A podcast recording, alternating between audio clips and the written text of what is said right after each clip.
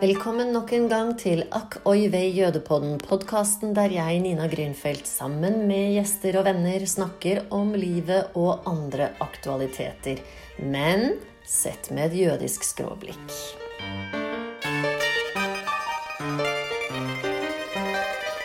Kjære Linn Feinberg, velkommen til meg, til Akk oi vei jødepodden. Takk. Du er en av Norges to rabbinere, så vidt jeg vet. To eller tre. Er det tre? Det er vel en i Det mosaiske trossamfunn, og så er det chabad-rabbiner, og så er det vel meg. Nettopp. Da blir det jo tre. Denne chabad-rabbineren er jo også en jeg ønsker å få inn i denne podden, så det skal jeg Ja, komme tilbake tilbake han er jo til. absolutt en av rabbiner som er bofast i Norge. Ikke sant? Dere er rett og slett tre stykker. Så fortell oss litt om det landskapet. Hvem er du i dette landskapet? Hvem er du? Det eh, Ja, det kan du spørre. Det er sånne spørsmål jeg sitter og spør meg selv hver dag. Men jeg er i hvert fall en som er vokst opp og født og vokst opp her i Norge som, i en jødisk kontekst. Og med en uh, pappa som overlevde Auschwitz, og en mamma som har engelsk-jødisk bakgrunn. Så jeg vokste jo opp med mange kulturer med engelsk, jødisk, norsk sånn, et ganske sånn flerfoldig bakgrunnsteppe. Jeg pleier å si jeg var eh, multikulturell før, og- før, og- før, det ble opp, liksom, før det ble et uttrykk. Ikke sant? Ja. Altså, jeg har jo et minne av deg. Du er kanskje sånn rundt ti år eldre enn meg. Ja. Eh, Du, for meg var du da den eldste, det eldste barnet og datteren til Kai Feinberg, Ja. som hadde en veldig sentral plass i det mosaiske trossamfunn, i det norske jødiske miljøet Ja, han fikk det i hvert fall etter hvert, ja. Ja. Og som jo også var en av de sant? Han var den eneste som kom hjem i sin familie etter krigen. ja. Et sterkt bilde på, på, de, på de overlevende og hvor hardt Mm. man kunne bli rammet av krigen. da. Ja, også en som jeg vil si på mange måter også klarte å få et liv igjen etter krigen. Mm. Og bygge opp et liv etter krigen, for det gjorde han jo i aller høyeste grad. Absolutt, han klarte seg veldig bra, men Ja. han bar vel også på en del traumer. Og noe av det tror jeg vi kommer til å komme tilbake til, for det er vel noe av det du jobber videre med også. Ja, eller ja, altså hva det kanskje har ført med seg. Men jeg tenker at det jeg kanskje sitter med i dag, er at, at det kanskje handler ikke bare om faren min sine traumeopplevelser, men det handler kanskje om hele det, den jødiske konteksten som jeg vokste opp i, som var en hel gruppe som var traumatisert, og som hadde sine egne kodekser i forhold til å hva skal jeg si for noe, romme, holde, overleve i det. Det som jeg kaller overlevelsesstrukturer. Mm. Og så i forhold til oss og de andre, som er bl.a. Noe, jeg- noe av det jeg jobber med i dag. Men det har vært en lang reise, og dette med å bli rabbiner tror jeg var en del av å på en måte tilegne meg noe, eller få en dypere forståelse av hva det var som ikke ble fortalt. Og som ikke jeg hadde fått med meg fordi det var blitt borte gjennom de generasjonene som ikke lenger var sånn som jeg aldri møtte. Men du, fortell bare litt, hvordan er du rabbiner? Hvordan, hvordan praktiserer du din rabbinerrolle i dette bitte lille norske jødiske samfunnet? For tiden veldig lite. Jeg, eh, jeg hadde jo en periode så hadde jeg en, hjem, en gruppe som kom jevnlig hjem til meg. Til eh, gudstjenester en gang i måneden og til de større helligdagene. Men det sluttet jeg vel med sånn ca. 2015. Da ble det for mye, syns jeg. Og jeg. Og det var flere som gjerne ville institusjonalisere det mer, men jeg kjente at det hadde jeg ikke krefter til eller ork til, fordi jeg nettopp ikke jeg så, er så imot å bli båset inn. altså sånn at ehm,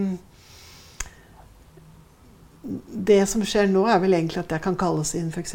til en begravelse som ønsker å ha et jødisk innslag, eller hvis det er noen som skal ha en, et, en babynavngivning f.eks., eller altså bringe inn noen rituelle seremonier også i bryllup f.eks. Altså sånn Men vil det være Innslag. aktuelt for deg å være rabbiner i det mosaiske trossamfunn?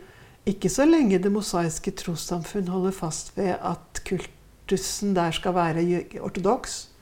For der er jeg jo ikke anerkjent. Altså, innenfor ortodoks jødedom så er ikke kvinner akseptert som rabbinere. Det er én ting, men en annen ting er at den måten jeg tenker å formidle jødedom på, er vel langt mer eklektisk og Altså jeg liksom har lært å bringe jødisk tradisjon inn i den nåtidige virkeligheten og forsøke å skape et rom som på en måte skaper noe mer, da.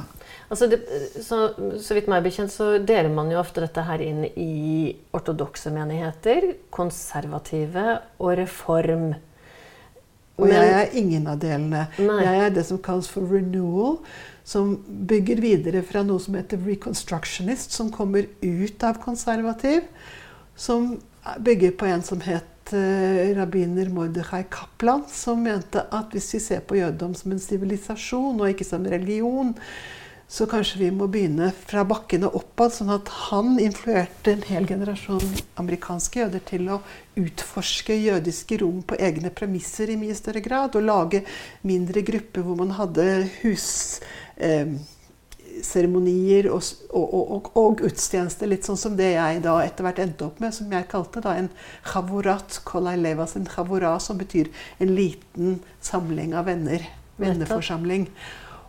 Og Jewish Renewal, som jeg er da utdannet under, hadde mange, mange av mine lærere har rekonstruksjonistisk bakgrunn. Men rabbiner Zalman Schachter Shalomi, som grunnla dette rommet, han kom selv fra Øst-Europa og var eh, en Chabad-rabbiner, han også. Han kom fra en chassidisk bakgrunn, men etter krigen så ble han tatt inn i Så, så utdannet han seg innenfor det som kalles for Lubavitcher bevegelsen eller Chabad. Men har du kollegaer i Norden eller i Europa i det hele tatt som praktiserer eh, rabbinerrollen? Ja, ja. Jeg har eh, Elisa Klapek, f.eks., som har skrevet flere bøker i Tyskland. Hun holder til i Frankfurt. Og så har jeg kantor eh, Hjalda Rebleng, som holder til i Berlin. Og har sin forsamling der som kalles betachidush. Og så jeg, kjenner jeg flere også i Holland. Men ja, det er flere i Europa. Og, er, og, i England så er det jo mange som Der har du også det som kalles for the liberal judaism, som da fanger litt mer av dette mer mellomrommet som kanskje jeg fanger inn. Så jeg kjenner jo, kjenner jo har jo kollegaer over, over, hele Europa, ja. Men du har, utdannelsen din har du fra USA? Utdannelsen min har jeg fra USA, ja. Og det, de som jeg først nevnte, har, vi møttes i USA under utdannelsen? Altså, jeg har jo hatt gleden av å få lov til å være med på noen av disse sjabbesmiddagene hjemme hos deg. Det var utrolig hyggelig. Det var en liten engere krets, stort sett av kvinner. Ja. Eh, hvor vi spiste deilig vegetarmat og snakket om eksistensielle spørsmål. Og gjennomførte en, en form for shabbes med tilhørende bønner osv. Ja. Og det, det, som jeg kalte forsamlingen, var jo Chaburat Kol Halev, som betyr forsamlingen hjertets stemme. Så jeg var veldig opptatt av dette her med at det var Og det var en spill på ordet kol, som både betyr hele og eh, stemme. Mm. Så både hjertets stemme og hele hjertet. Ikke sant. Mm. Men du, du, er jo, tenker jeg, en kvinne som eh, alltid søker ny kunnskap og stiller nye spørsmål. Eh, og nå holder du på med en ph.d. Ja. Og det gjør du på Det teologiske fakultet. Mm -hmm. Og så fortalte du meg at tittelen Nå skal jeg prøve å si den på engelsk. Den heter så mye som 'Ancestral Shadows Memories of the Shoah Transcended in Descendants of Survivors in Norway Today'. Og så forsøkte jeg å gjøre en norsk oversettelse av det. Og da ble det noe sånt noe som Forfedrenes skygger, minner fra utryddelsen, eller det vi ofte kaller shoah, nedarvet i de overlevendes barn i Norge i dag. Hørtes det ok ut? Nesten. Det går bra. Det var litt proffere på engelsk. Ja. ja. og du, det er fortsatt en arbeidstittel. Ikke sant. Mm. Så hva er det du Fortell litt hva er det du skriver om. Ja, det Utgangspunktet mitt er vel at jeg selv har gjennomgått en veldig lang reise i forhold til å integrere min egen historie. Skjønne den i, i, flere fasetter, i mer kontekstuell sammenheng. For å få det bedre selv. Det har vært utgangspunktet mitt. Mm. Så har jeg etter hvert gått gjennom 100 år i terapi, og jeg har en utdannelse i noe som heter NARM, som er neuro, Neuroeffective Relational Method, som er en traumeintegreringstilnærming. Og mye av terapien jeg også selv har fått, har handlet om For det var først når jeg begynte å skjønne å ja, det er traumer dette handler om. Og det, at jeg virkelig begynte å få fart på min egen helingsprosess. At det var aspekter av traumer som jeg bar på. Og som jeg hadde selv gjennomlevd i mitt eget liv. Men det var bare på en måte mitt spørsmål den gangen var liksom hvorfor skjer dette meg? Og så etter hvert begynne å skjønne at vet du hva, det kan godt være at jeg har båret på noen historier som aldri ble ordentlig integrert, og som på en eller annen måte ble levd ut i mitt liv gjennom bl.a. de mennene jeg valgte i livet mitt. Og som jeg da har måttet Fordi for min far så var det nok for vanskelig og for nært å kunne bearbeide de virkelig dype sorgprosessene av å ha mistet så mange som han gjorde, og alt det som det innebar. At det var noe som på en eller annen måte ble En bagasje som ble videreført til meg. I hvert fall sånn har jeg skjønt det. Og det, det, er jo det jeg har funnet mye litteratur på. Det er jo mange etter hvert andre generasjons altså personer i min generasjon som har skrevet om sine fortellinger, og hvordan mye av det de opplevde som var foreldrenes historie, var noe de bare visste, men aldri ble snakket om, f.eks. Men du, hvis jeg forstår deg riktig, så mener jeg at du også er opptatt av ikke bare konsekvensene av Shoah, men at din far og hans familie i utgangspunktet også bærer på en traumeopplevelse som minoritet i Norge. Og at du er, du er opptatt av dette med minoritet og majoritet, og majoritetens ja. manglende forståelse for minoriteten. Så det har jo sprunget ut av altså Det som hele tiden har vært mitt fokus, har vært det jeg kaller for traumeintegrering. Og jo mer jeg har gått inn i dette feltet, jo mer har jeg skjønt at traumer for det første handler mye mer om den enkelte. Og det handler ikke bare om familien. Det handler også om det intergenerasjonelle. Har jeg, eh, så det, liksom, det, har vokst, det, har vokst, etter hvert som jeg har gått inn i feltet. Så har jeg skjønt at kanskje Det er jo ikke sånn at alle vi som vokste opp etter krigen, hadde åpne traumer. Det var ikke sånn det var. Men det var kanskje mer det som kan settes ord på som uh, cultural misalignment. At det var en utakt mellom hvordan det livet som ble levd i det normative Norge, som på det tidspunktet, så jeg sa det til min venninne forleden dag, normativitetsterskelen i Norge har vært veldig høy. Mm. Og den normativiteten med at man feirer jul, og at man går på ski, og alle disse tingene der, sånn, selv om vi gikk på ski, men vi feiret ikke jul, så, så var det den opplevelsen av å være annerledes var veldig til å ta og føle på da jeg vokste opp på 50- og 60-tallet. Mm.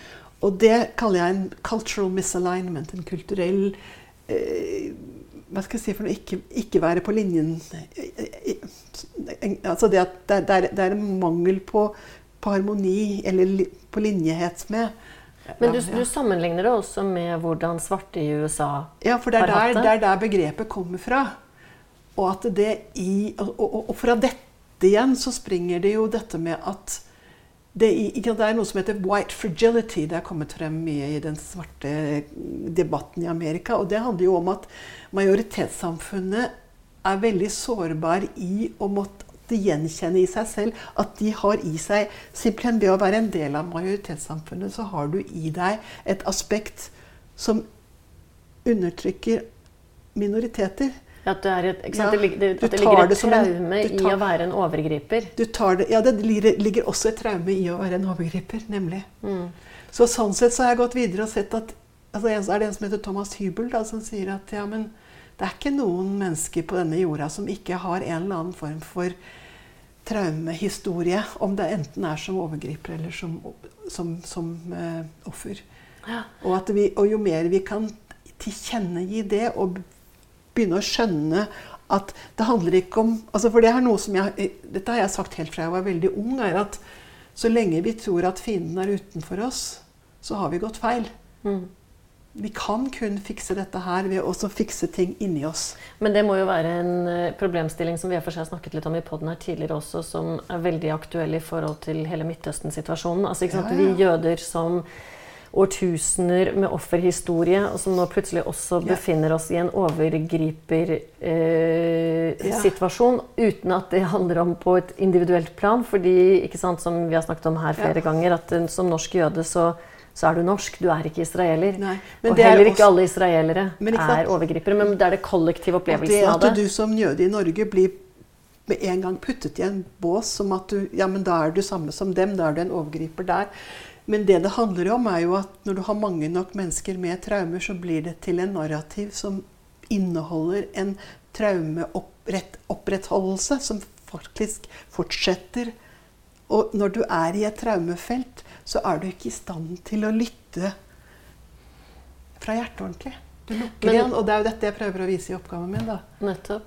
Men og i din, i din forskning, i din eh, kontinuerlige prosess i å lære om fenomener, men også om deg selv, så har jeg forstått av dit at dette har egentlig tatt veldig lang tid. At da du var ung, så var du kanskje eh, i overkant ikke interessert i dette, eller?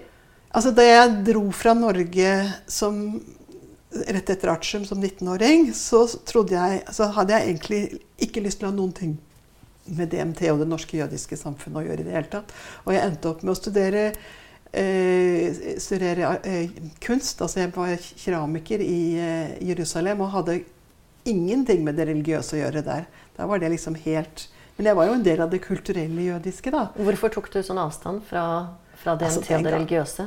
For jeg, altså det, det, den gangen så var det skikkelig forgubbet. da. Og jeg opplevde jo, jeg, jeg har tenkt tilbake at til og med som barn Jeg gikk jo i, i disse ukentlige Heider-klassene fra jeg var sju. ikke sant? Og jeg husker jo at jeg syntes alltid det var ekkelt å komme inn i samfunnshuset. Det var et eller annet der som skurret i hele systemet mitt. Og det har jeg tenkt på i etterkant, at det har jo vært disse ubearbeidede traumene. Mm. Ikke sant? Det var en sånn følelse av sånn tung tyngde og, og traume og tragiskhet som bare gjennomsyret alt. Og det gjennomsyret også gudstjenesten. Og husk på at jeg reiste jo før Michael Melchior kom tilbake. Eller kom inn. Men er det da sånn at dette etter hvert har innhentet deg? At det er noe du ikke kan løpe fra? Jeg tror det var mer enn sånn. Så jeg, så, altså jeg kom jo etter ti år, så først to år i Israel, som jeg da lærte å snakke hebraisk. ikke sant? Og så åtte år i Danmark, hvor jeg da går gjennom min egen på en måte, jeg vil si, ja, min egen traumehistorie på et eller annet vis. Og så kommer jeg hjem og er da alenemor til to små gutter. som jeg veldig, Det første jeg må ta stilling til, er om jeg kommer hjem med en åtte dager gammel gutt, skal han ha en omskjæring? Ja, Og en da- briss. Ja. En Britt Milla. En Britt Milla. Og da er faren min allerede blitt eh, Da er han forstander. Og ikke bare det, men i, de, i løpet av de kommende dagene så er det fire rabbinere som skal komme på besøk til Oslo just by chance. ikke sant? Var det viktig for han at du hadde Britt Milla på søndag? Det var nok veldig viktig for han. Men jeg, jeg på det tidspunktet var sånn type Ok, da jeg tror et eller annet sted meg så skjønte jeg at det var en slags inngangsbillett for å komme videre. For på det, tidspunktet så var jeg veldig på tur. Mm. Så jeg hadde denne Så han fikk Så begge guttene mine ble omskåret. Og, og, og når jeg da et par år senere ble alene med dem, så fikk de også innpass i den jødiske barnehagen. Og det ble en måte min resosialisering inn i det jødiske miljøet. Og da var det miljøet veldig, veldig, veldig annerledes fra da jeg hadde forlatt det. Mm. For dette, som sagt, det var ekstremt forgubbet i de årene som mm, frem til 80-tallet, egentlig. Jeg får lyst til å bare stille deg et spørsmål Ja. som egentlig er litt på siden av det vi skal snakke om ellers. Men i og med at du nevner det selv, at du valgte å omskjære dine to små gutter, og Ja. du jo på mange måter representerer en uh, moderat eller reformert Mm. jødisk syn, og du er kvinne, du er mor, og denne diskusjonen kommer jo opp med jevne mellomrom i Norge hele tiden, Ja. hvorvidt man skal omskjære jødiske gutter, og muslimske for den saks skyld Jeg har måttet forholde meg mye til det. Og jeg tror at Hva hvis det, var i, det? hvis det hadde vært i dag, så hadde jeg nok ikke gjort det. Ikke? Nei. Fordi Fordi jeg vet ikke om jeg syns at det er den måten mm, Igjen merkelapper eh, jeg, jeg tror ikke det er det viktigste lenger. Altså, det er en kulturell kontekst som jeg tror kanskje vi begynner å vokse oss ut av. Men hva munner denne enorme motstanden i hos de nordmenn som syns at det er så grusomt? Har, mener du at har de rett i at man ikke skal gjøre det, eller er det Er vi tilbake til majoritetens eh, overgriperholdning? Ja, altså jeg var jo mor til to gutter, og jeg syns jo det ikke det var noe særlig morsomt å oppleve. Var, jeg, jeg, opplevde jo at dette her var, var, jo smertefylt. Så det handler ikke så mye om det å være forskjellig fra de andre, men det handler om det er, altså, Jeg har jo skrevet en hel hovedfagsoppgave om disse rituelle forskjellene mellom kvinner og menn i jødedommen og, og hele problematikken rundt omskjærelse ble ganske dominerende der. og jeg har jo skjønt at det ligger veldig mye sånne antropologiske perspektiver knyttet til dette med at selve omskjærelsesritualet er en frigjøring av mannen fra mors blod. sånn at det er en slags for sånn, det er sånn blodsritual som jeg, jeg vet ikke om jeg gidder å opprettholde det lenger. Altså, det er et eller annet med at jeg har kommet til et sted hvor jeg vet for mye. Men i det du sier nå, så ligger jo også et slags brudd med et veldig veldig sterkt patriarkat, som vel også DMT, altså det jødiske mm, mm samfunnet mm, i Norge, er ganske sterk representant for. da. Hva tenker du om fremtiden i det norske jødiske? Kan det fortsette å være så patriarkalsk og Vet du hva, jeg, jeg, jeg kjenner at der, der, er jeg ikke Jeg kan ikke uttale meg. For jeg har liksom så til de grader liksom beveget meg vekk fra hva det representerer. Altså, I dag kanskje så begynner man å snakke om ting som jeg allerede var klar for 30-50 år siden. ikke sant? Altså, jeg begynte å snakke om feministisk jødedom allerede i 1995 holdt jeg et innlegg om det. Ja, Hvordan har det blitt mottatt? Da Ja, da ble det jo godt mottatt på den måten at vi begynte Rosh Hoders-grupper, og vi begynte å gjøre en del ting. Og hva er det? En Rosh Hoders-gruppe det, eh, det, var noe som allerede var startet i USA og i England, hvor kvinner nettopp i samfunn sånn som våre, hvor de følte at har vi har jo ikke noen stemme, vi har jo ikke noe vi skulle si, så begynte kvinner å komme sammen regelmessig på dager knyttet til nymånen, fordi tradisjonelt så er nymånen har det vært en helligdag for kvinner. Sannsynligvis fordi kvinner i oldtiden menstruerte sammen, og da trakk de seg sammen tilbake i det røde i, i, i sitt, sitt, telt. da. Mm. Men i alle fall så var det tradisjonell tradisjon for at kvinner hadde, hadde en fridag da, og da ble det gjort til en, et tidspunkt hvor kvinner fra, i, i, jødisk, i Amerika særlig, jødiske kvinner, begynte å utforske jødiske ritualer og tenke på egne premisser. Og det var det kommet flere bøker av, så jeg bare tok utgangspunkt i de, og så begynte vi med det her i Oslo. Og da var det utgangspunktet positivt? Og det var veldig positivt, ja. Men hva har skjedd siden? Hvor, hvor, står vi nå? Ja, Det vet jeg ikke, for det er så lenge siden. Og det var utgangspunktet som etter hvert ble til at jeg valgte å bli rabbiner. Og jeg trodde jo på den tidspunktet, fordi at det var helt andre krefter i samfunnet da, i det jødiske samfunnet da enn det det er i dag. Som i hvert fall sånn som jeg skjønner det. Ja, nå vet jeg ikke i dag, det skal jeg ikke uttale meg. Men i hvert fall så var det veldig mye som tydet på at man begynte å gå i en mye mer liberal At man ønsket å ha en mer inklusiv jødedom. Mm. Og at kanskje konservativ jødedom ikke hadde vært så dumt. å at man kunne liksom begynt, altså sånn Jeg opplevde at jeg kunne begynne innenfra og begynne med kvinnene. Men hva begynne. skjedde da, når det ikke ble slik? Jeg tror det ble for skummelt for en del kvinner å skulle stå på egne ben og på en eller annen måte Det ble for skummelt. Men er ikke det interessant? Jeg, tenker, jeg pleier ofte å si nettopp det at uh, små menigheter må ivareta sin egenart. Og for å ivareta egenarten så må man på en måte bli mer katolsk enn paven. Vi ser det jo også i en rekke andre ja. trossamfunn. Og, og, ofte når det gjelder f.eks. muslimer, så blir de mer eh, mm. konservative og religiøse her enn det de var i hjemlandsbyen sin. Og så var det det at jeg gikk gjennom så store prosesser ved at jeg selv gikk gjennom disse prosessene i forhold til å tilegne meg større og større mulighetsrom, også fra et jødisk perspektiv. Sånn at det ble for stor clash simpelthen, mm. i forhold til den virkelighetsforståelsen som de fleste andre sto i. Og mer og mer så skjønte jeg jo det, da. Men det, det, det, det var sårt. Mm for jeg vet jo det, det har jo vært diskusjoner på kan man tenke seg en organisasjonsform også i Norge som er mer paraplyorganisasjonsaktig. Ja, Sånn som i Tyskland har de jo mye det. Ja, og i Sverige har vel også til dels vært noe mm. lignende. Ja. At man da har rom for litt forskjellige praksisformer innenfor ett og samme tak. Men der har man mange flere mennesker, ikke sant. Så det er, liksom, det er den der med minoriteten og mm. ja, jeg, jeg, har brukt mye tid på å tenke ut det der, sånn, men jeg kjenner også samtidig at Jeg er ikke komfortabel med å på en måte måtte være rabbiner i en sånn gammel forstand. Hvis jeg skal være en rabbiner, så ville det vært Altså, min jobb, er mye mer å være en veiviser, en medvandrer. Så det jobber jeg jo fortsatt med, at jeg har personer som jeg, jeg kaller en slags form for sjelens medvandring. Altså hvor jeg kan være et slags speil på deres indre prosess. da. Men du trodde vel også lenge at du skulle bli psykolog? Det gjorde jeg jo først fordi Men de lukket jo det, Nei, jeg trodde ikke lenge det. Men jeg gikk jo på psykologi og har mellomfagspsykologi, men de lukket jo inntaket på psykologistudiet. Sånn at uh, da var jeg allerede småbarnsmor og godt i gang med utdannelsen min. Og så skulle jeg vente kanskje fem-seks år på å få kommet inn på psykologistudiet var ikke så veldig aktuelt. Men er ikke den virksomheten du driver nå med den type form for mentoring, er ikke det å være litt jo, psykolog? Jo, jo, jo. Og, og, og, det at jeg også har denne NARM-utdannelsen, som er en ren terapi påføyning, ja. Mm. Og jeg er også utdannet det som kalles for spiritual director, som jo har aspekt som er nettopp dette sjelelige en livsveileder, rett og slett. Mm, livsveileder. Så er jeg også utdannet astrolog, så det var jo i bunnen. Så jeg var vant til å jobbe i konsultasjonsproblematikk. Du er et skikkelig kinderegg. Du, hos deg kan man få alt. Ja, du kan til og med få en keramikkrukke. så alt det, hvis jeg kommer hjem til deg da, og ønsker litt sånn sjelelig veiledning, så kan jeg kjøpe meg en krukke, og så kan jeg putte alt oppi krukken, og så kan jeg ta den med hjem, og så kan jeg gni litt på den. Og så vokser det kanskje. Jeg vet ikke om det blir sånn. Jeg, jeg lager ikke krukke lenger. Men jeg, men, men jeg, kan sikkert banke en kake og gi deg litt uh...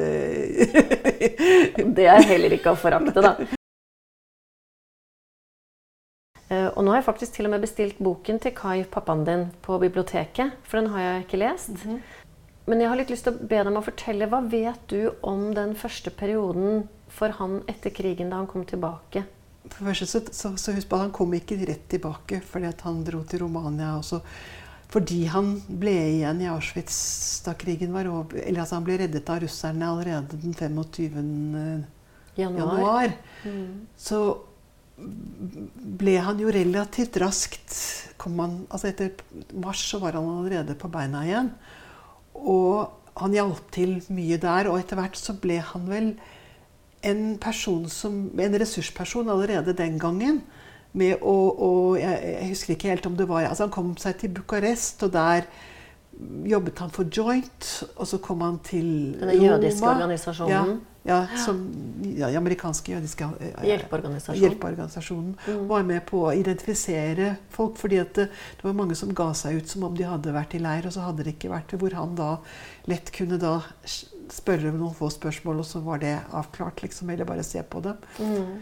Så at han hadde jo allerede da en hjelperolle i Europa før han i det hele tatt kom hjem til Norge. sånn at han fikk mye av sin verdighet tilbake på den måten. Stemmer det at han også hadde en audiens hos paven? Ja.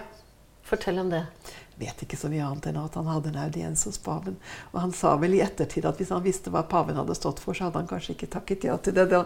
Ikke sant, fordi Pavens ja. Eh, rolle under krigen den ja. har vært ganske omdiskutert. Ja, sant? så det var litt uh, men ikke noe annet enn at han hadde han syntes, ja, det kunne han godt gjøre, være med på. Så var han med på Men det var i kraft av at han da hadde vært fange i Auschwitz og skulle fortelle om sine erfaringer? Sannsynligvis. Mm.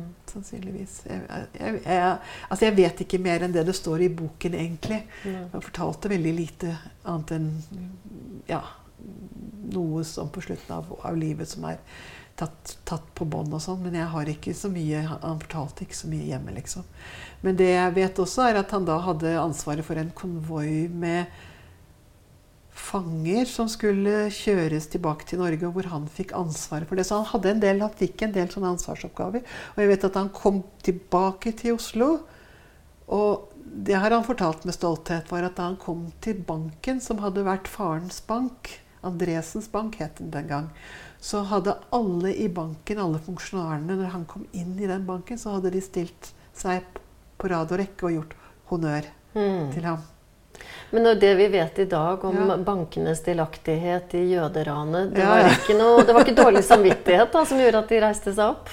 Det vet jeg ikke. Jeg tror det handler mer om at de, de hadde hatt direkte personlig forhold til faren hans, som da hadde mm, vært direktør ikke sant, osv. Det er lov det, å tro godt om folk òg. Ja, jeg, altså jeg tenker i hvert fall at For min far så var det en Og jeg, når jeg tenker traumepsykologisk, så var det jo en slags indre oppreisning å bli sett at nå har du faktisk gjennomlevd noen ting, og vi anerkjenner at Wow, du har kommet tilbake. Mm. Og jeg vet at han kom tilbake, og så hadde han jo også en tante, tante Bekka, som var min grandtante, Mm. som da hadde overlevd i Sverige. Så han kom vel rett hjem til henne først. Og så er det sånn at han etter, Om det var neste dag, så går han til leiligheten til foreldrene i Kirkeveien 123. Og det er en historie han har nevnt også i flere bøker. er At han banket på døren hos, i den leiligheten, og så kommer det en person til stede, en mann, og så presenterer far seg og sier at jeg er Kai Feinberg, og dette er visst min leilighet. Og så sier den personen ja, jeg skal være ute her i, eh, klokken tolv i morgen tidlig. Oi. Så han fikk leiligheten til sin, tilbake. Så vedkommende som da hadde bodd der, skjønte at han skulle ut av leiligheten? Ja. Så det var, og det var ikke nødvendigvis det som var tilfellet for mange av jødene som kom tilbake. Nei. Altså Verken fra Sverige eller fra leirene. Men det jeg fortolker litt inn i den reaksjonen, er kanskje også en skam da, hos han som har bodd der. Absolutt at han skjønte at han For det var jo stort sett nazister som fikk disse leilighetene. Mm. De ble jo formidlet. Det har jeg begynt å skjønne nå. Ja. Mange av de som hadde vært på, i østfronten Ja, osv. Ja. Og han alle fikk- eiendelene da, som hadde til alt det Ja, de eide og hadde i leiligheten? det vet jeg. Altså, jeg vet bare om noen sølvtøy som var blitt bevart av noen naboer. De ble senere stort sett stjålet fra, fra hjemmet mitt da jeg vokste opp. Så veldig lite eiendeler. Veldig, veldig lite eiendeler. Fotoalbum Nei. Nei. Så det fins veldig få minner og ting et, igjen Ja. etter hans familie? Ja, altså Det var et fotoalbum, men etter at far døde, så ble det også borte. Så jeg aner ikke hvor det er. Så det er enkelte få bilder som jeg har da har fått gjennom denne tante Bekka, som må ha klart å få det med seg over til Sverige, selv om hun også flyktet under dramatiske omstendigheter. Og når forsto Kai at alle i familien Hvor mange søsken og foreldre var det? Det forsto jo han ganske tidlig, for han var jo med på, på transporten. Ja, så da han kom hjem til til det var det i Sverige som det tok lengre tid å forstå. Han hadde jo allerede vært på transporten med alle disse 30 familiemedlemmene og visste ganske snart at alle kvinner og eldre og barn var blitt drept på, ved ankomst til Auschwitz. sant? Nettopp. Og det som var igjen av de norske, de hadde han stort sett sjekk på i leiren. Så det, det var jo ikke et issue for ham, liksom. Nei. Det var ikke sånn at det var noen av familiemedlemmene han ikke hadde kontroll på, som han håpet at skulle Nei, det gjaldt jo ikke for ham. Han var tvert imot en av de som vitnet i 47 for å beskrive hvordan de forskjellige hadde gått bort, for at de skulle kunne få arverekker som de kunne bruke da, til å hjelpe folk til å få midlene sine tilbake og sånne ting. Nettopp. Nei, han hadde full sjekk. Han var til og med sammen med faren sin kvelden før faren døde. Mm. Og, da, ja, og onklene og sånn. Han visste når de var borte og sånn. Men du, du sa i et intervju jeg hørte deg prate om også hvordan han i din oppvekst våknet om natten og hadde mareritt. Ja, altså det var en periode hvor han hadde særlig altså Hvor det var også mye Det var under en periode hvor foreldrene mine ikke så lenge etterpå skilte lag. Men da hadde han en periode hvor, det, hvor han fikk et skikkelig sånn sammenbrudd. Da husker jeg også at Leo Eitinger ofte kom til oss, og, og han Ja, da, hvor han var ganske ynkelig. Ja, Psykiateren Leo Eitinger, som også hadde overlevd Auschwitz. Ja, og som var en av de som han også hadde møtt. Altså Han møtte jo Leo Eitinger, som hjalp ham Mm, da han kom på lasarettet i, i, i Auschwitz. nettopp. Var de to viktige for hverandre? Altså, De var ikke sånn nære venner, på en måte, men det er klart at det var en respekt der. Men, han, men Leo Eitinger hadde jo en helt annen posisjon i leiren ved å være lege. Og en helt annen andre privilegier enn det faren min hadde. Men eh, Leo Eitinger har jo skrevet forordet i fars bok, da. Mm. Hvem var det som ble viktig for Kai, faren din, etter krigen?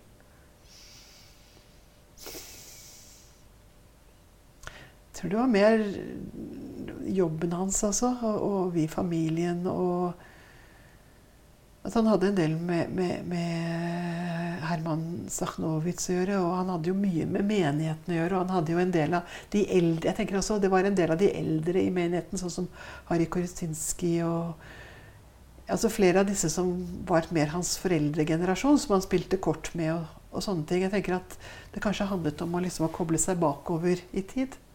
Og, og, og, så var det noen fjerne slektninger vi hadde kontakt med. da. Tremenninga, han Roger Bernstein og men når han så velger seg din mor, som jo bare blir eh, Som fremdeles er i live, ja. og som fremdeles blir bare omtalt av de jeg kjenner som husker henne fra da hun kom til Norge, så var hun Hun var altså så vakker at Elizabeth Taylor kunne slenge seg i veggen.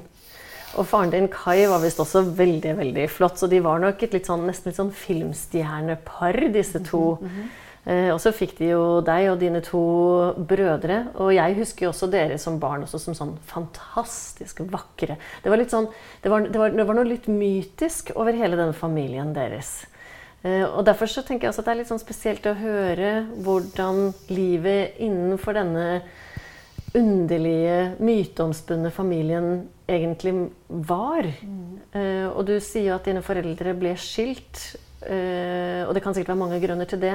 Men tror du krigen var en av årsakene? Eller var det mangel kanskje på felles erfaringer? For din mor hadde jo ikke opplevd holocaust. Jeg vil Heller, altså Moren min var jo ti år yngre enn far. Og hennes foreldre hadde dødd, ble drept i en bilulykke et par år før. Par-tre år før.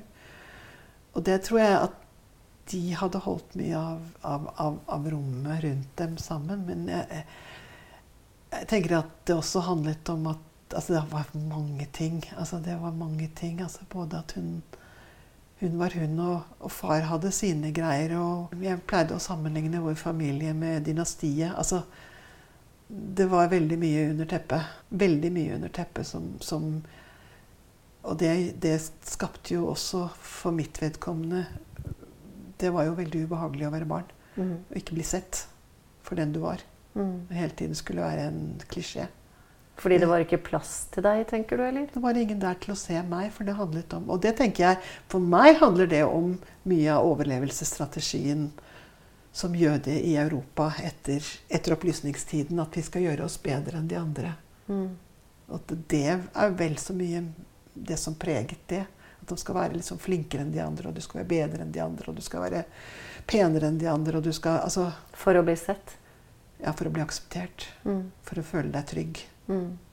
Så jeg tenker at det har mye mer med sånne ting å gjøre. Føler du deg trygg i dag? Ja, i meg. Men den tryggheten handler ikke om det ytre. Det, det har vært dyrkjøpt.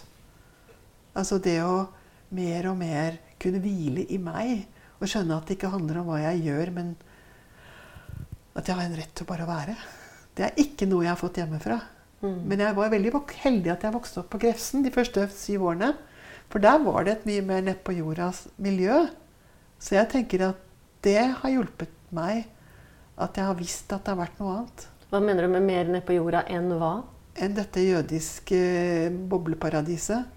Så det å vokse opp i en litt sånn god øvre middelklasse i Norge ja. var egentlig en trygghet? Ja, altså med ripsbusker og bringebærbusker som man plukket og gikk i skauen og laget seljefløyter og sånne ting. Ja. Men samtidig så snakker du jo om at du som eneste jødisk jente i klassen så følte du deg også alene. men da hadde vi flyttet til Slemdal, og der kom den der mye sterkere frem. ikke sant? For da var det mange flere som bodde i bobler. Men det betyr at du knytter et slags klassedimensjon det, ja, til dette? Ja. Absolutt. Og det var jo veldig sterkt på Oslo vest. Og det var vel en terapeut som senere sa at det er kanskje ikke så rart at du følte deg litt liksom utafor der. Det var jo så mange nazister, ikke sant. Jeg hadde aldri tenkt på det. At, så i dette borgerskapet så var du, var du da mer utsatt fordi du møtte familier som hadde tidligere historier som Det vet jeg jo ikke, men jeg vet bare at jeg var en outsider fra første stund første klasse. Og det var du ikke på Grefsen? Nei, da var jeg en del av alle jentene, liksom. Mm. Alle, alle, barna. Hvordan merket du at du ble opplevd som annerledes? Hva skal jeg si for noe? Altså, jeg hadde jo også engelsk mor ikke sant, som ikke fulgte med i klassen i forhold til kulturen ellers i, i, i rommet. ikke sant? Og, og, og, så jeg hadde jo venner av bl.a. en av mine nærmeste venner. Hun hadde argentinsk mor, da, så der fant vi hverandre. Mm. Og det er veldig interessant, tenker jeg, nettopp for din, eller ja, delvis vår generasjon, da, som fremdeles eh, hadde bl.a. hjemmeværende mødre ofte. Min mor var riktignok ikke det, men det men, men jeg tenker der morsfiguren er ganske avgjørende. Og hvis mor da ikke er norsk, og ikke har det nettverket og den dagligdagse kompetansen i hva det er å vokse opp i det norske Ja. samfunnet, så blir man en minoritet bare i kraft av det. Ja, og moren min var kunstner, da, så hun var jo så hun hadde jo heller ikke den normen. Nei, hun var, har aldri bakt et brød, for hun likte ikke å få deig på fingrene. sant? Skulle godt bake kaker, da. Men du er ikke bare opptatt av religion og psykologi, men du er også opptatt av nervesystemet. Eh, Fortell litt om det. Har det å gjøre med at du tenker at erfaringene våre setter seg i kroppen vår på en eller annen måte?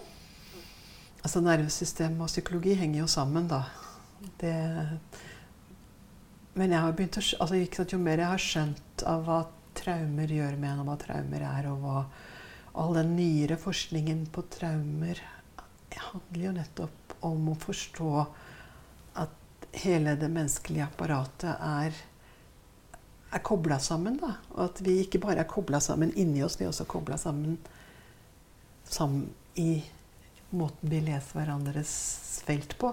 Men jeg bare sett på dette, jeg har jo tre barnebarn og ser hvordan disse små babyene lærer å lese nervesystemet og blir roet ned i nervesystemet av måten vi behandler dem på. sant? Altså, Det er jo så grunnleggende, og, og, og de siste 14 årene jeg var i terapi, var kroppsorientert fysioterapi. Så det kropp det Og, og det jeg tror som også skjer med folk som har mye traumer, det er at man går ut av kroppen. Så man blir veldig mental, og da kommer alle disse morsomme og corny vitsene, men det er veldig lite embodiment. Så mye av reisen min har jo vært å komme inn i kroppen, så det er ikke uten grunn til at jeg valgte keramikk. ikke sant? 14 år i terapi, hva har du lært av det, tenker du? 21 år i terapi. 21 til og med. Altså Alle årene har vært viktige. Men Snakker vi da om psykoanalyse? første syv årene var psykoanalyse. Ja. Da, For da er det jo gjerne opptil flere dager i uken. da var det tre dager i uken. Ja. Og da var jeg småbarnsmor.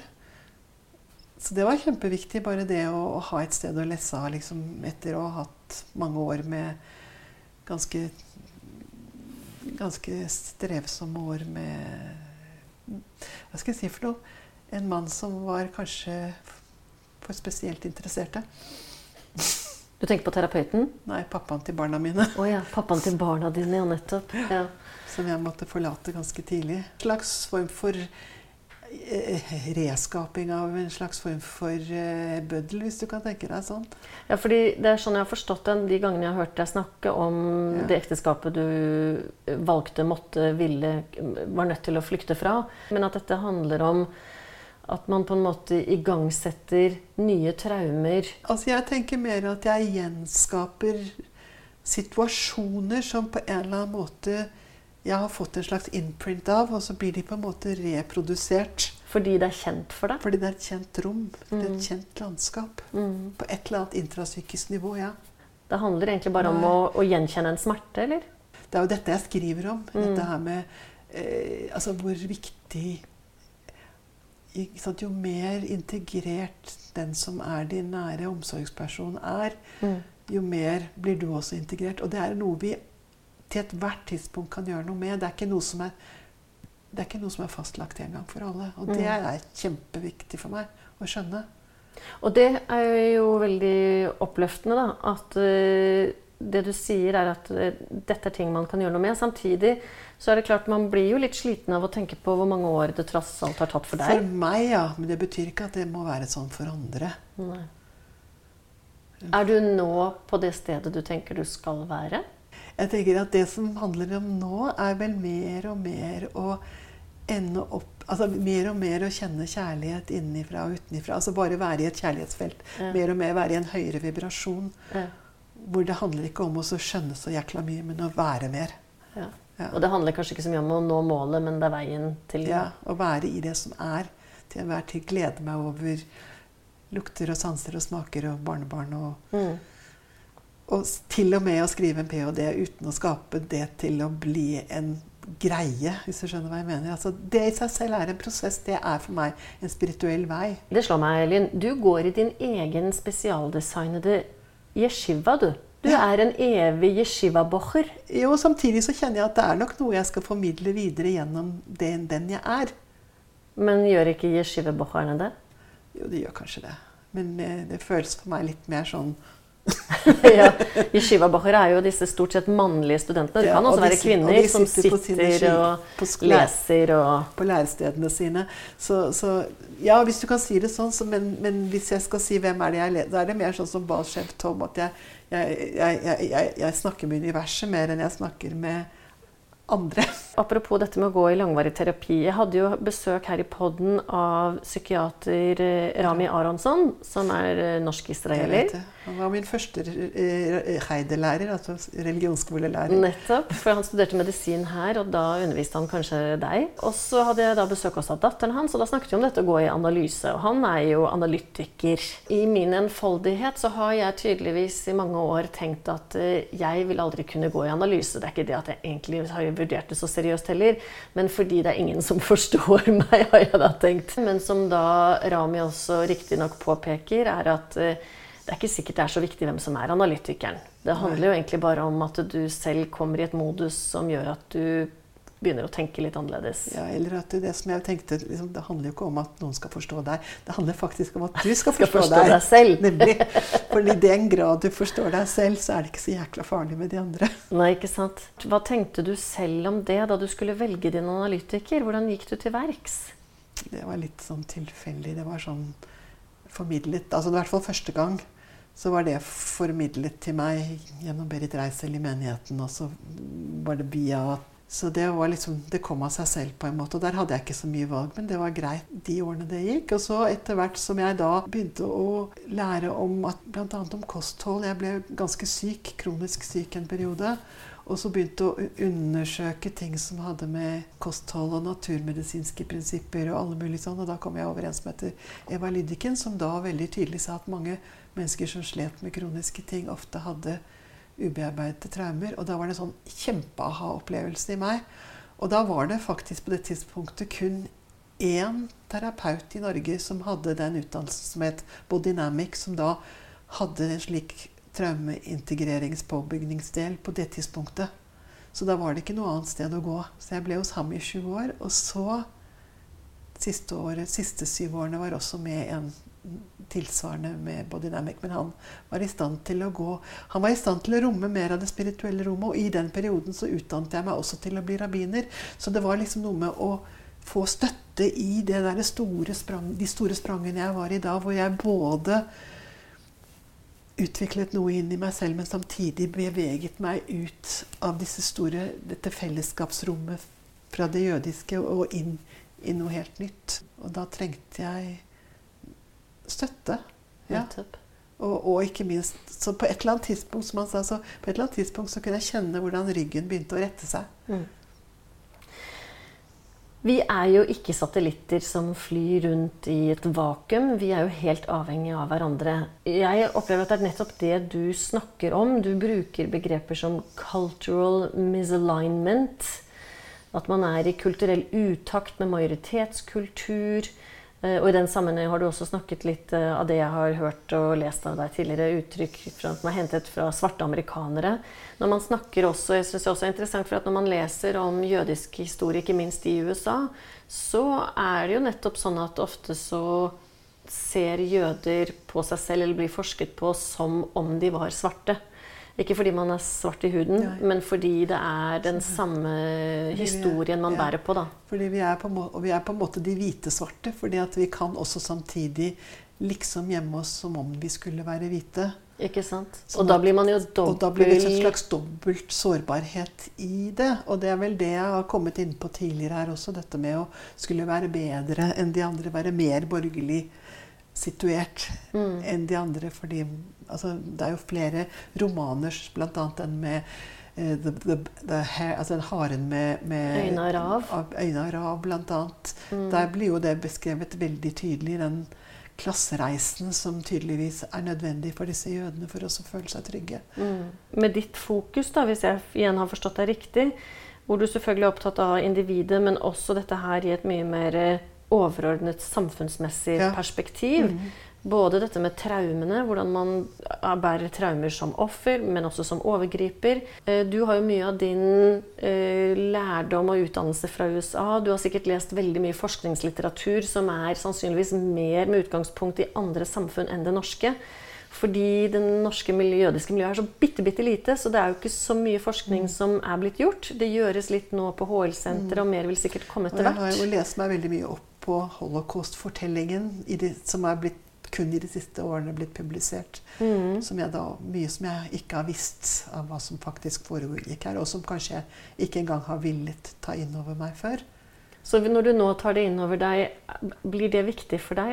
Hva betyr dette for deg, og hva tror du dette betyr for det jødiske miljøet i Norge og det norske samfunnet? Det var et veldig stort Jo, men jeg tror, at jeg, jeg tror at jeg har en slags form for Jeg ønsker at folk som leser oppgaven min, skal få en slags form for indre aha på at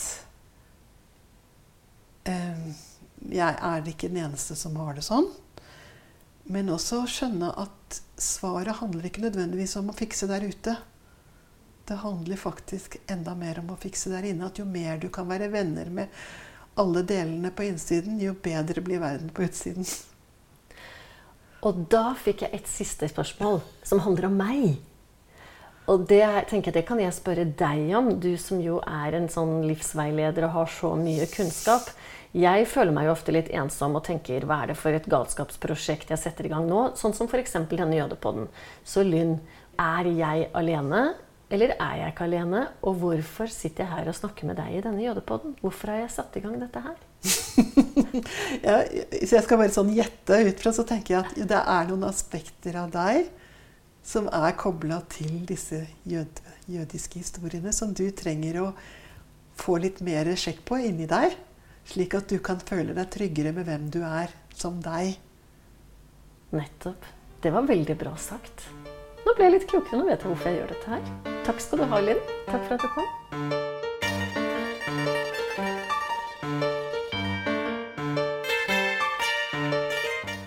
Takk for at du lytter til AKIV Jødepodden. Om du liker denne podkasten, kan du trykke 'abonner' i din foretrukne spiller. Da vil du motta beskjed om når neste episode blir publisert.